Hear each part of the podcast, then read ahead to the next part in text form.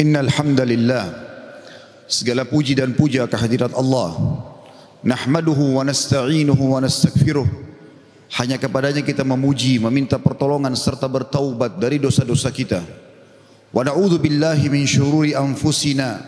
Dan hanya kepada Allah pula kita meminta agar dijauhkan dari keburukan-keburukan diri kita. Wa min sayyiati a'malina.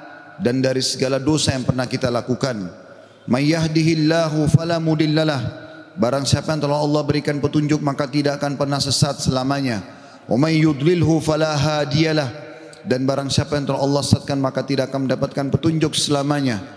Ashhadu an la ilaha illallah wahdahu la syarikalah wa ashhadu anna Muhammadan abduhu wa rasuluh. Saya bersaksi tidak Tuhan yang berhak disembah kecuali Allah dan tidak ada sekutu bersamanya dan Muhammad benar-benar hamba juga utusannya.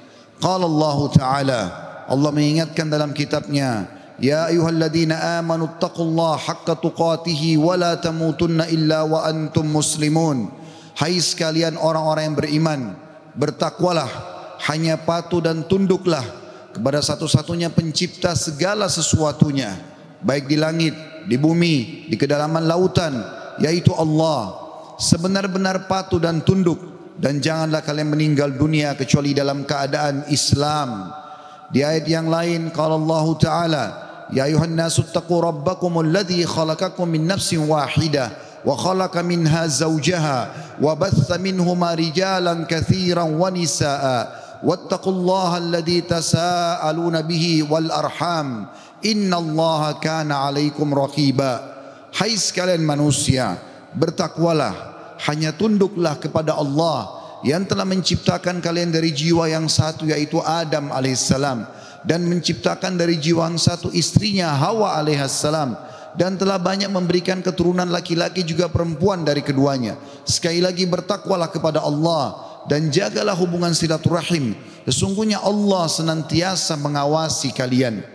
Di ayat yang ketiga kalau Allah Taala يا أيها الذين آمنوا اتقوا الله وقولوا قولا سديدا يصلح لكم أعمالكم ويغفر لكم ذنوبكم ومن يطع الله ورسوله فقد فاز فوزا عظيما Hai sekalian orang-orang yang beriman Sekali lagi patuh dan tunduklah kepada Allah Nikmati yang halal Tinggalkan, kerjakan yang diperintahkan Tinggalkan yang dilarang Dan ucapkan kalimat yang benar Jujurlah niscaya dia akan memperbaiki amal-amal perbuatan kalian, mengampuni dosa-dosa kalian. Barang siapa yang mentaati Allah dan Rasulnya, dia telah mendapatkan kemenangan yang besar.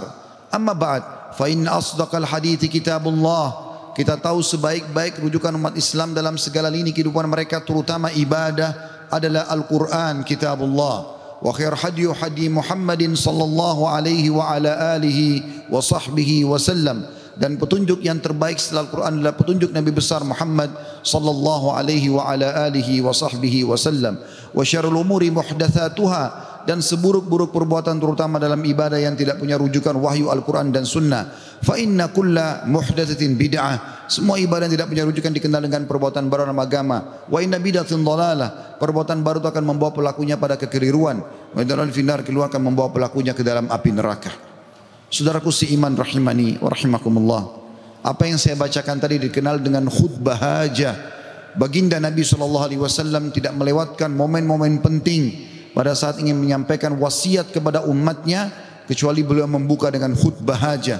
Tiga ayat tentang pentingnya bertakwa dan tunduk kepada Allah serta mengingatkan agar ibadah selalu punya rujukan wahyu Al-Quran dan Sunnah. Pada kesempatan ini kita akan bahas tentang keajaiban istighfar. Saudaraku si iman. Banyak sekali ayat Al-Quran dan hadis Nabi SAW mengingatkan masalah ini.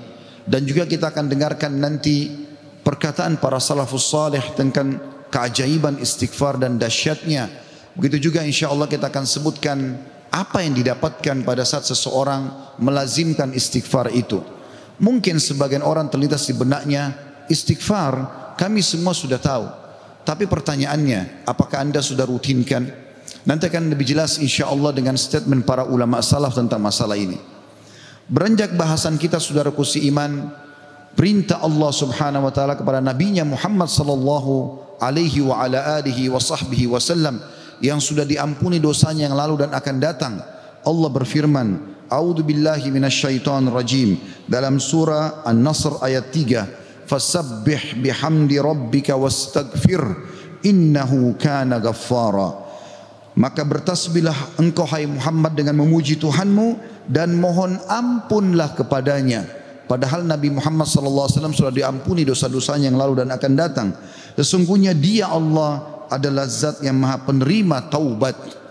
Juga dalam ayat yang lain dalam surah Muhammad ayat 19 Allah memerintahkan Nabi Muhammad sallallahu alaihi wasallam istighfar.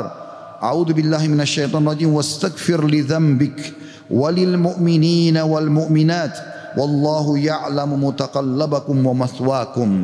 Dan mohonlah ampun bagi bagi dosamu hai Muhammad dan bagi dosa orang-orang beriman laki-laki dan orang beriman perempuan dan Allah Maha mengetahui tempat kamu berusaha dan tempat tinggalmu.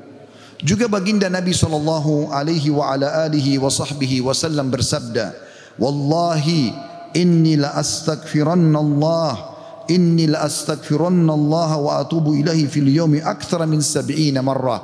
Demi Allah, padahal beliau tidak butuh untuk sumpah, tapi untuk tapi untuk memastikan tentang pentingnya pengucapan istighfar di lisan setiap orang di antara kita. Beliau mengatakan demi Allah, aku selalu beristighfar kepada Allah.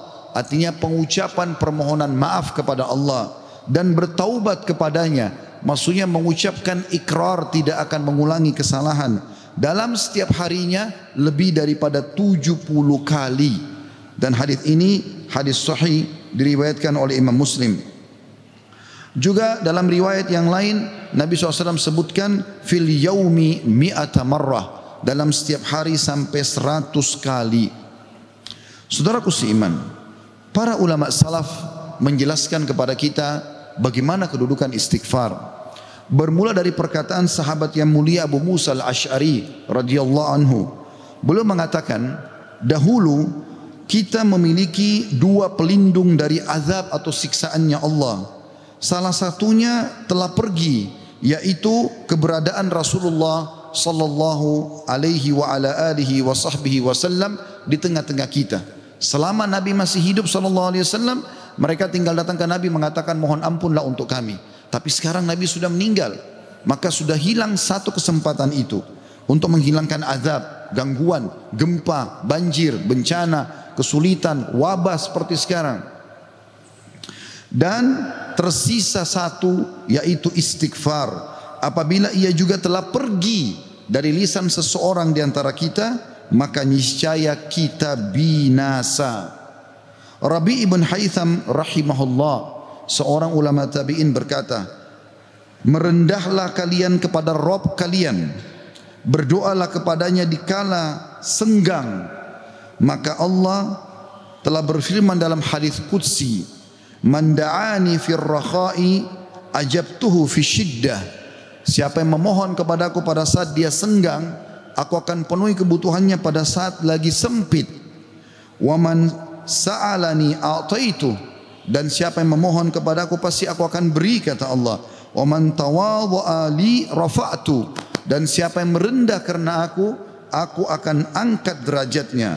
Wa man li rahimtu dan siapa yang meluangkan waktu untuk ibadah kepadaku aku akan kasihi dia wa man istaghfarani ghafartulah dan siapa yang memohon istighfar kepadaku memohon ampun aku pasti akan memaafkan kesalahannya Sahal radhiyallahu anhu telah berkata tentang istighfar dalam menghapus dosa beliau mengatakan permulaan istighfar adalah pengampunan atau mengingat memanggil Allah kemudian akan bergantung kepada Allah lalu kemudian tidak akan mengulangi kesalahan-kesalahan.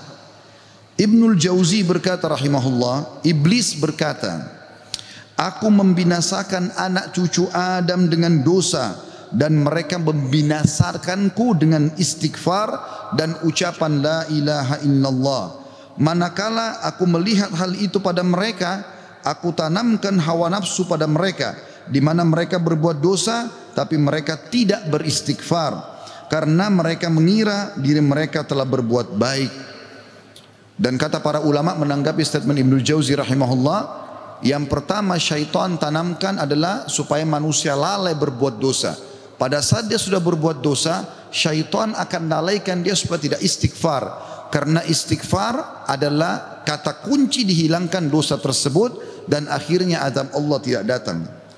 Kata ada rahimahullah berkata, Al-Quran menunjuki kalian penyakit dan juga obat sekaligus untuk menyembuhkan kalian. Penyakit kalian adalah dosa-dosa dan obat penyembuh kalian adalah istighfar. Permasalahan apa pun akan selesai dengan istighfar. Andai saja sebuah wilayah disepakati dari pemimpinnya sampai masyarakatnya memasyarakatkan dan membudayakan istighfar di lisan mereka, di meja-meja makan mereka, di halaman rumah mereka, di meja-meja kerja mereka, di masjid mereka, di pasar mereka, demi Allah wahai saudaraku seiman, permasalahan di wilayah itu akan selesai semuanya dan rezeki akan terbuka seluas-luasnya. Anda akan dengarkan nanti kurang lebih sembilan manfaat daripada istighfar itu sendiri. Ali radhiyallahu anhu berkata, sahabat Nabi yang mulia ini berkata, yang aneh adalah orang yang binasa padahal keselamatan ada bersamanya. Orang bisa kena gempa, banjir, penyakit kronis, kemiskinan, kesusahan hidup. Kata Ali radhiyallahu yang aneh adalah orang yang binasa padahal keselamatan ada bersamanya. Lalu beliau ditanya radhiyallahu anhu, apa keselamatan yang Anda maksudkan? Kata Ali radhiyallahu anhu, istighfar. Beliau juga berkata, tidaklah seorang hamba diilhami oleh Allah Subhanahu wa taala untuk beristighfar Allah tidak mudahkan lisan anda mengatakan astagfirullah. Itu saja kata beliau. Kecuali Allah memang berkehendak untuk menyelamatkannya atau tidak mengazabnya. Seseorang soleh juga berkata, hamba berada di antara dosa dan nikmat. Keduanya tidak akan menjadi baik kecuali mensyukuri nikmat dan istighfar dari dosa-dosa. Juga Luqman al-Hakim yang terkenal Allah namakan surah Luqman atas namanya. Dia berkata kepada putranya, "Wahai anakku, Allah memiliki beberapa waktu tidak ditolak orang untuk meminta pada waktu itu, seperti antara azan dan iqamah, seperti sepertiga malam, saat hujan turun dan seterusnya. Maka perbanyak istighfar pada saat itu. Beliau bukan menyuruh anaknya minta hajat, tapi disuruh beristighfar. Karena dengan istighfar ternyata hajat-hajat kita walaupun kita tidak minta dipenuhi oleh Sang Pencipta Allah Subhanahu wa taala. Ibunda mulia Aisyah radhiyallahu anha ummul mukminin berkata, "Tuba kegembiraan, kebahagiaan bagi siapa pun yang mendapatkan istighfar tertulis indah banyak di buku amalnya." Abu Al-Minhal juga berkata rahimahullah, Tidaklah seorang hamba didampingi di dalam kuburnya oleh pendamping yang lebih dicintai daripada istighfar yang dia ucapkan semasa hidupnya. Al Hasan Basri berkata rahimahullah, perbanyak istighfar di rumah-rumah kalian, di meja-meja makan kalian, di jalan-jalan kalian, di pasar-pasar kalian, di majlis-majlis kalian karena kalian tidak tahu kapan ampunan akan turun. Seorang badui berkata, Siapa yang ingin menjadi tetangga kami di tanah kami, hendaklah memperbanyak istighfar. Karena istighfar adalah awan tebal yang mengandung air atau hujan yang lebat. Maksudnya rezeki. Andai saja kita fahami statement-statement saudaraku seiman. Mungkin beranjak dari Pak Bupati Hafidhullah. Pemimpin wilayah Goa. Semoga Allah jaga beliau dan juga seluruh masyarakat gua ini apalagi kalau seluruh wilayah Indonesia bisa menanamkan ini selalu saling berwasiat pemimpin kepada masyarakat masyarakat kepada seluruh tetangganya setiap orang kepada keluarganya. Ayo perbanyak istighfar. Setiap lagi diam. Jangan cuma diam. Astagfirullah wa atubu ilai. Itu saja. Berapa banyak orang? Tadi saya dapat informasi masyarakat gua kurang lebih kalau tidak salah 800 ribu kalau 800 ribu orang anggap yang muslimnya misalnya 700 ribu saja. Semua beristighfar satu, satu orang satu kali saja. Ada 700 ribu istighfar naik ke langit. Bukankah itu akan mendatangkan rezeki kepada kita? Bukankah itu pasti akan akan mengangkat wabah dan permasalahan yang kita hadapi? Demi Allah iya saudara. Jawabannya demi Allah iya. tinggal anda mau amalkan atau tidak.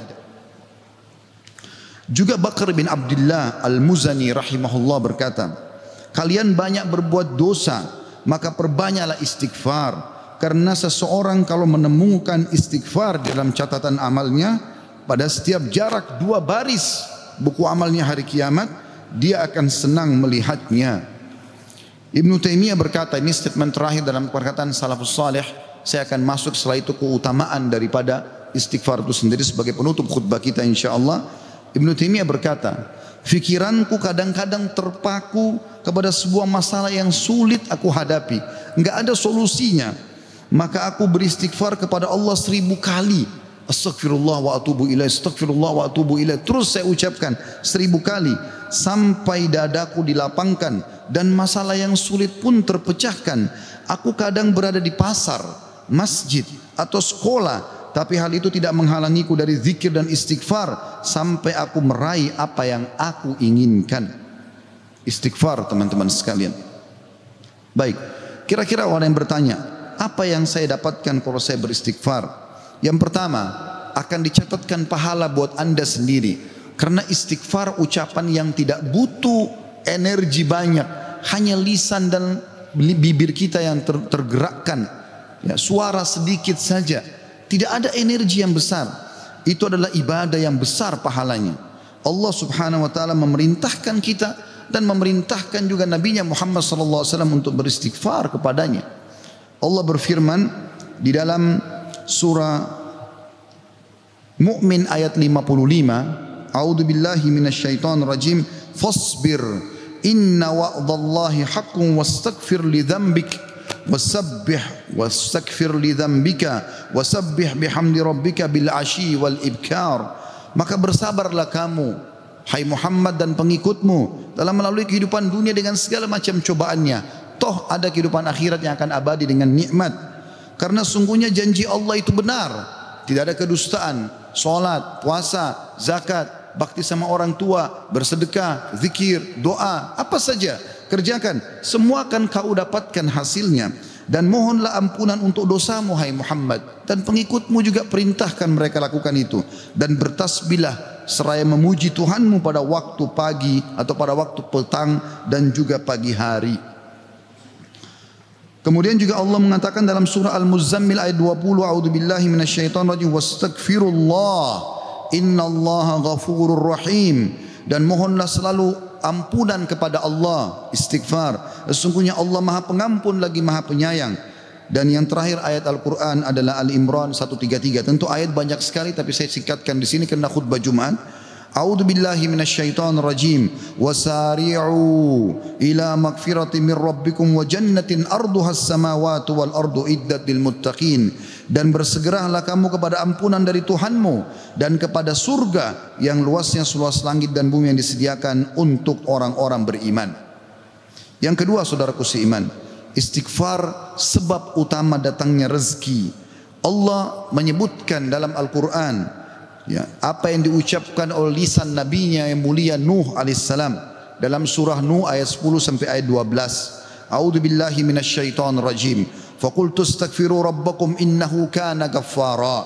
Yursilis samaa 'alaikum midrara wa yumditkum bi amwalin wa banina wa yaj'al lakum jannatin wa yaj'al lakum anhara Maka aku berkata kepada kaumku ya Allah kata Nabi Nuh mohonlah ampun kepada Tuhan kalian. Sesungguhnya dia Allah adalah maha pengampun. Niscaya dengan mohon ampun istighfar kalian itu dia Allah akan mengurunkan mengirimkan hujan kepadamu yang lebat. Dan memperbanyak harta juga anak-anakmu. Dan mengadakan untukmu kebun-kebun. Dan mengadakan di dalamnya sungai-sungai. Juga dalam surah Hud ayat 52 Allah Subhanahu wa taala berfirman, "A'udzu billahi minasyaitonir rajim." Ya qaumi Nabi Hud berkata alaihissalam, "Ya wa ya qaumi istaghfiru rabbakum thumma tubu ilaihi yursilis samaa 'alaikum midrara wa yazidkum quwwatan ila quwwatikum wa la tatawallaw mujrimin." Hai kaumku kata Nabi Hud alaihissalam, Banyaklah mohon ampunlah kepada Tuhan kalian dan bertobatlah kepadanya. Niscaya pasti dengan istighfar dan tobat kalian dia menurunkan hujan yang sangat deras atasmu. Maksudnya subur. Hujan bukan mematikan, mematikan tapi membawa berkah. dan dia akan menambahkan kekuatan kepada kekuatanmu. Fisikmu akan kuat, fikiranmu, jiwamu akan sehat dan janganlah kamu berpaling dengan berbuat dosa. Al-Qurtubi rahimahullah berkata tentang tafsir surah Hud ayat 52 di dalam ayat-ayat ini terdapat dalil bahwa istighfar digunakan untuk meminta rezeki dan hujan.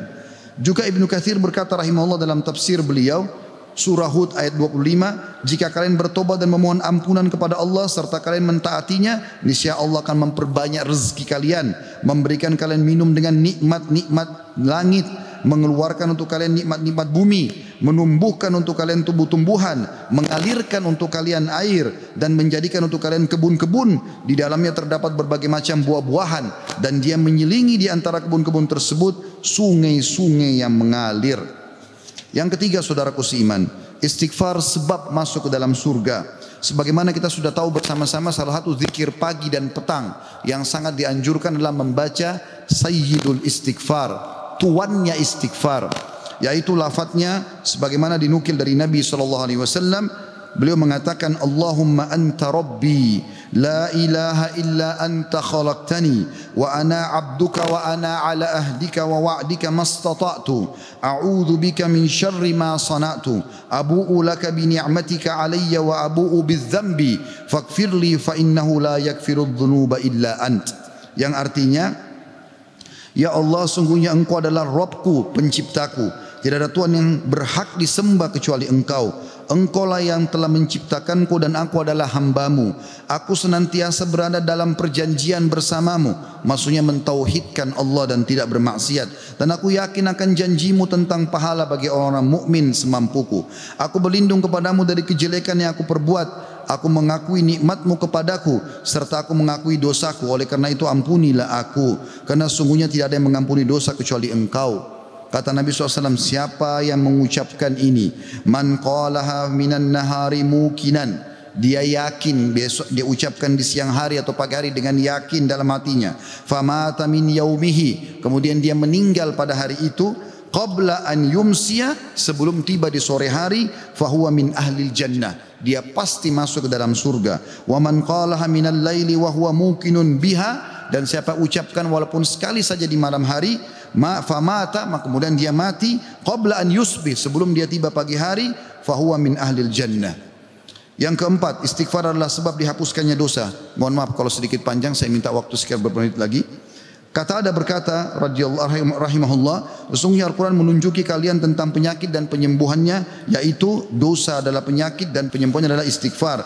Allah berfirman, "A'udzubillahi minasyaitonir dalam surah Al-Imran 135 Walladzina idza fa'alu fahishatan aw zalamu anfusahum dzakarullaha fastaghfaru lidzunubihim wa man yaghfiru dzunuba illallah wa lam yusirru ala فعلوا fa'aluhum ya'lamun. Dan juga orang-orang yang apabila mengerjakan perbuatan keji dan menganiaya diri mereka, kalau mereka buat dosa, maka mereka ingat kepada Allah lalu mereka memohon ampun terhadap dosa-dosa mereka dan siapa lagi yang dapat mengampuni dosa selain Allah dan mereka terus tidak tidak mereka tidak meneruskan perbuatan dosa itu sedang mereka mengetahuinya. Kemudian teman-teman sekalian selanjutnya adalah yang kelima istighfar mencegah hukuman dari Allah Subhanahu wa taala. Saya ambil satu saja Al Hasan Basri rahimahullah berkata, "Wahai anak Adam, meninggalkan dosa lebih ringan bagimu daripada mencari taubat dan ketahuilah bahwasanya pada saat kau meninggalkan perbuatan dosa atau kau beristighfar pada saat berbuat dosa, maka adab Allah tidak akan datang karena Allah berfirman dalam surah Al-Anfal ayat 33, "A'udzu billahi minasyaitonir rajim. Wa ma kana Allah liyu'adzibahum wa anta fihim, wa ma kana Allah mu'adzibahum yastaghfirun." Dan Allah sekali-kali tidak akan mengadab mereka sedangkan kamu berada di tengah-tengah mereka hai Muhammad dan tidak pula Allah akan mengadab mereka sedang mereka selalu memohon ampun. Yang keenam, istighfar sebab diangkatnya derajat dalam sebuah hadis ajarkan bab ini kepada anak anda. Dalam hadis riwayat Ahmad dengan sanad hasan kata baginda Nabi SAW inna Allah azza wa jalla yarfa'u darajati lil abdi salihi fil jannah fayaqulu ya rabbi anna li hadhihi fayaqulu bi istighfari waladika lak Sesungguhnya Allah yang maha suci dan maha tinggi mengangkat derajat seseorang hamba saleh di surga sehingga dia bertanya yang sudah mati diangkat derajatnya tinggi di surga. Hamba ini bingung dia tidak pernah merasa berbuat amal yang bisa membawa dia ke derajat itu. Lalu dia bertanya, wahai Rabbku dari mana nikmat ini hamba dapatkan? Maka kata Allah SWT dari istighfar anakmu untukmu. Yang ketujuh istighfar adalah sebab disucikan hati. Sebagaimana Nabi SAW bersabda, Innal mu'mina idha adzamba dzamban kanat nuktatan sauda'u fi qalbihi. Kalau seorang mukmin berbuat dosa akan menjadi titik hitam dalam hatinya. Fa in taba wa naza wastaghfara su'ika qalbuhu minha. Kalau dia bertaubat, kemudian dia beristighfar kepada Allah, meninggalkan dosanya, maka akan diangkat noda hitam itu dalam hatinya. Fa in zada zadat hatta taglufa qalbu fadzalika ar-rana alladhi dzakarahu Allah fi fi fi kitabihi kalla barrana ala qulubihim ma kanu dan kalau seandainya dia bertaubat dan meninggalkannya serta beristighfar, hatinya kembali bersih darinya dan kalau dia tambah melakukan dosa, maka bertambah pula titik hitam itu sampai menutupi seluruh hatinya. Dan itulah makna kalimat arran dalam firman Allah Subhanahu wa taala sekali-kali apa yang selalu mereka usahakan itu menutupi hati mereka. Surah al-mutaffifin ayat 14 dua poin yang terakhir teman-teman sekalian yang kedelapan adalah istighfar sebab memperoleh anak dan keturunan. Dinukil dalam sebuah riwayat disebutkan oleh eh, Abu Hanifah rahimahullah dalam musnadnya bahwasanya seseorang datang mengeluh dari Jabir bin Abdullah radhiyallahu anhu seorang seseorang mengeluh kepada Nabi SAW lalu berkata ya Rasulullah ya sesungguhnya aku orang semua punya anak tapi aku sendiri yang tidak punya anak maka kata Nabi SAW mana kau dari dua senjatamu memperbanyak sedekah dan istighfar maka dengannya kau akan diberikan rezeki Kata Jabir bin Abdullah orang itu pun mengamalkan lalu saya menyaksikan orang itu dikaruniai sembilan orang anak. Semuanya laki-laki. Kesembilan dan terakhir adalah istighfar sebab menikmati kesehatan dan kekuatan. Sebagaimana dijelaskan dari dalam surah Hud ayat 52 dan sudah saya bacakan tadi ayatnya saya tidak ulangi tapi potongan ayatnya adalah yazidkum kuwatan ila kuwatikum. Istighfar menyebabkan bertambahnya kekuatan di atas kekuatan. Izinkan saya teman-teman sekalian menyampaikan sebuah kisah yang berhubungan dengan masalah ini atau dua buah kisah ringkas. Ada seseorang di Irak dulu pernah berdagang, kemudian dia menemukan semua pedagang di pasar laku barangnya kecuali dia dan dia orang miskin. Dia mengatakan saya pun dulu di dekat barang saya sampai menjelang sore belum laku-laku. Maka tiba-tiba saya mengingat firman atau sabda Nabi SAW. Man aksar istighfar. Siapa yang memperbanyak istighfar. Ja'alallahu lahu min kulli hammin faraja. Allah akan berikan kelapangan dari setiap kesedihannya. Wa min kulli dikin makhraja. Dan jalan keluar dari setiap masalahnya dan juga razakahu min haitsu la yahtasib. Maka Allah akan berikan rezeki dari tempat tidak disangka-sangka. Maka dia bilang saya pun beristighfar kepada Allah dan terjadi satu keajaiban yang luar biasa. Ternyata datang kepadaku hampir seluruh pedagang pasar datang dan mereka memperebutkan barang daganganku. Terakhir kisah seseorang yang bernama Abu Yusuf saudaraku seiman. Di musim haji seorang syekh dalam kisah yang tidak disebutkan namanya siapa sedang menyampaikan masalah istighfar Datang seseorang setelah pengajian bernama Abu Yusuf lalu berkata, Syekh, saya ingin bercerita tentang manfaat istighfar yang anda sampaikan tadi. Kata syekhnya silakan. Dia bilang saya menikah bertahun-tahun tidak punya anak sama sekali. Dan saya sama istri saya sedih. Lalu satu waktu saya pernah mendengarkan sebuah siaran tentang makna Ya firman Allah SWT surah Nuh, surah Nuh ayat 10 sampai ayat 12 tadi sudah saya bacakan ayatnya bahwasanya orang kalau istighfar akan diturunkan hujan dari langit, diberikan keturunan dan juga harta. Lalu saya mengatakan kepada istri saya, wahai Ummu Yusuf, ayo kita istighfar. Sudah bertahun-tahun kita berusaha berobat sana sini tidak punya anak. Maka dia sama istrinya yang mengatakan, kami pun beristighfar tidak mengenal waktu, tidak mengenal tempat kecuali di WC. Kita tidak baca di WC. Di tempat tidur, di ruang makan, di, di halaman, selalu baca. Dan subhanallah kata dia Syekh, bulan itu Ummu Yusuf hamil dan lahirlah Yusuf. Begitu selesai hamil lagi masa nifas, saya bilang Ummu Yusuf, kita sudah bertahun-tahun tidak punya anak. Ayo kita istighfar kepada Allah untuk anak yang kedua. Kata dia, Anda tahu Syekh, di selesai nifas Ummu Yusuf hamil dan kami dapat lagi anak kedua. Dua-duanya laki-laki. Setelah anak kedua lahir di masa nifas saya bilang lagi, wahai Ummu Yusuf, kita beristighfar kepada Allah untuk anak yang ketiga. Maka saya sama Yusuf beristighfar yang ketiga dan ternyata selesai masa nifas hamil dan juga melahirkan di tahun ketiga anak laki-laki yang ketiga. Kata syekhnya semoga Allah berkahi. Itu betul-betul firman Allah. Allah mengatakan Allah tidak akan pungkiri janjinya. Dia mengatakan belum selesai kisah saya syekh. Setelah itu Ummu Yusuf berkata, wahai Abu Yusuf kita berhenti dulu istighfar untuk mohon anak, istighfar untuk yang lainnya. Tapi permohonan anak berhenti dulu sampai anak-anak besar. Kami sepakat 2-3 tahun kemudian saya mengatakan Ummu Yusuf sekarang saatnya kita minta agar Allah berikan kita anak perempuan yang cantik dan salihah Maka kami pun beristighfar dan ternyata Ummu Yusuf hamil dan sekarang saya di musim haji wahai Syekh sedang datang bersama Ummu Yusuf yang baru saja melahirkan bersama dengan bayinya, bayi perempuan. Aku lu qauli hadza. Saya sudah mengucapkan perkataan saya ini wa astaghfirullah li dan saya beristighfar kepada Allah mengajak jamaah istighfar kepada Allah fastaghfiruhu innahu huwal ghafurur rahim. Beristighfarlah sungguh Dia Maha Pengampun dan juga Maha Pengasih. Alhamdulillah wassalatu wassalamu ala Rasulillah. Segala puji dan puja kehadirat Allah Subhanahu wa taala juga salawat dan taslim kepada Nabi besar Muhammad sallallahu alaihi wa ala alihi wa sahbihi wasallam. Hari Jumat adalah hari yang mulia saudaraku seiman dan ada waktu mustajab doa. Dalam dua riwayat, yang pertama riwayat Imam Muslim. Kata Nabi SAW tidak ada seorang muslim pun berdoa di hari Jumat kecuali diijabah. Dan kejarlah pada saat khatib di khutbah kedua sampai diikomahkan sholat. Makanya semua khatib pasti berdoa di khutbah kedua. Yang kedua riwayat An-Nasai. Kata Nabi SAW Jumat ada 12 waktu. Tidak ada seorang muslim yang berdoa kecuali diijabah sama Allah. Dan perbanyak doa selepas asar sampai terbenam matahari. Maka jangan kita sia-siakan waktu mustajab ini. Mari kita hadirkan hati dan fikiran kita untuk berdoa kepada Allah Subhanahu Wa Taala. Semoga ia mengijabahnya. Alhamdulillahi Rabbil Alamin. Kami memujimu ya Allah sebagaimana layak kau dipuji sebagai pencipta. Dan juga kami mengucapkan salam hormat kami kepada Nabi Muhammad sallallahu alaihi wasallam sebagaimana engkau telah mengucapkan salam hormat kepadanya. Ya Allah, kami tidak berkumpul di salah satu rumahmu ini kecuali karena ingin menjalankan perintah dan kewajiban yang kau bebankan kepada kami.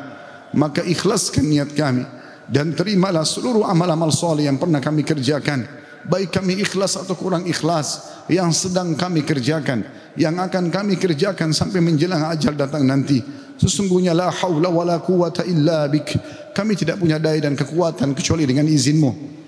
Ya Allah ampunilah seluruh dosa-dosa kami dosa kedua orang tua kami dosa seluruh kerabat-kerabat kami dosa seluruh kenalan-kenalan kami, bahkan dosa seluruh muslimin dan muslimat, mukminin dan mukminat yang hidup dan juga yang sudah meninggal. Ya Allah, janganlah Engkau bubarkan kami dari solat Jumat yang mulia ini kecuali Engkau telah bersihkan dosa-dosa kami dan Engkau ganti semuanya menjadi pahala dengan izinmu karena Engkau telah mengucapkan dalam satu firman-Mu ulaika sayyi'atihim hasanat mereka adalah hamba-hamba yang Allah ganti dosa-dosanya menjadi pahala Ya Allah jadikan negara kami Indonesia negara yang aman, tentram, damai. Seluruh umat Islam di bawah naungan ukhuwah Islamiyah. Dalam hal ibadah mereka kembali kepada Al-Quran dan Sunnah. Makmurkan negeri kami, lunasi utang-utang negara kami. Bukalah seluruh rezeki dari seluruh penjuruhnya. Kembalikan kami semua ke jalanmu ya Allah dan siapa pun menginginkan keburukan bagi negara kami, bagi agama kami, bagi diri-diri kami kembalikan tipu daya mereka kepada diri mereka sendiri. Ya Allah tolonglah saudara kami di Palestina, di Syria, di Yaman, di Irak, di Myanmar, di Ahsa, di mana pun mereka berada sedang tertindas. Ikhlaskan niat mereka, terima para syuhada mereka, muliakan Islam di tangan mereka dan tangan kami semua, serta ikut sertakan kami bersama mereka di pahala, baik dengan doa, dengan harta, dengan dengan jiwa kami. Dan ya Allah, satukanlah kami semua di surga Firdaus tanpa hisab. Mana engkau satukan kami dalam majlis yang mulia ini. Rabbana atina fid dunya hasanah. Ya Allah berikanlah kami semua kebaikan di dunia, wa fil akhirati hasanah dan semua kebaikan di akhirat. Wa qina adzabannar. Selamatkan kami dari neraka. Wa adkhilnal jannata ma'al abrar dan masukkanlah kami ke dalam surga bersama orang-orang yang patuh. Ya Azizu ya Ghaffar, wa Izat yang maha mulia dan juga maha pengampun. Ya Rabbal Alamin wa Tuhan alam semesta. Wa sallallahu nabiyina Muhammadin walhamdulillahi rabbil alamin. Inna Allah ya'mur bil adli wal ihsan. Allah seluruh menyuruh kita berbuat adil dan kebaikan. Wa yanha 'anil fahsya'i wal munkari wal bagi. Allah larang perbuatan keji, mungkar dan maksiat. Ya'idukum la'allakum tadhakkarun. Itu peringatan dari Allah jadikanlah sebagai pegangan hidup kalian. Fadhkurullahal azim yadhkurkum. Ingat kepada Allah maka Allah akan ingat kepada kalian.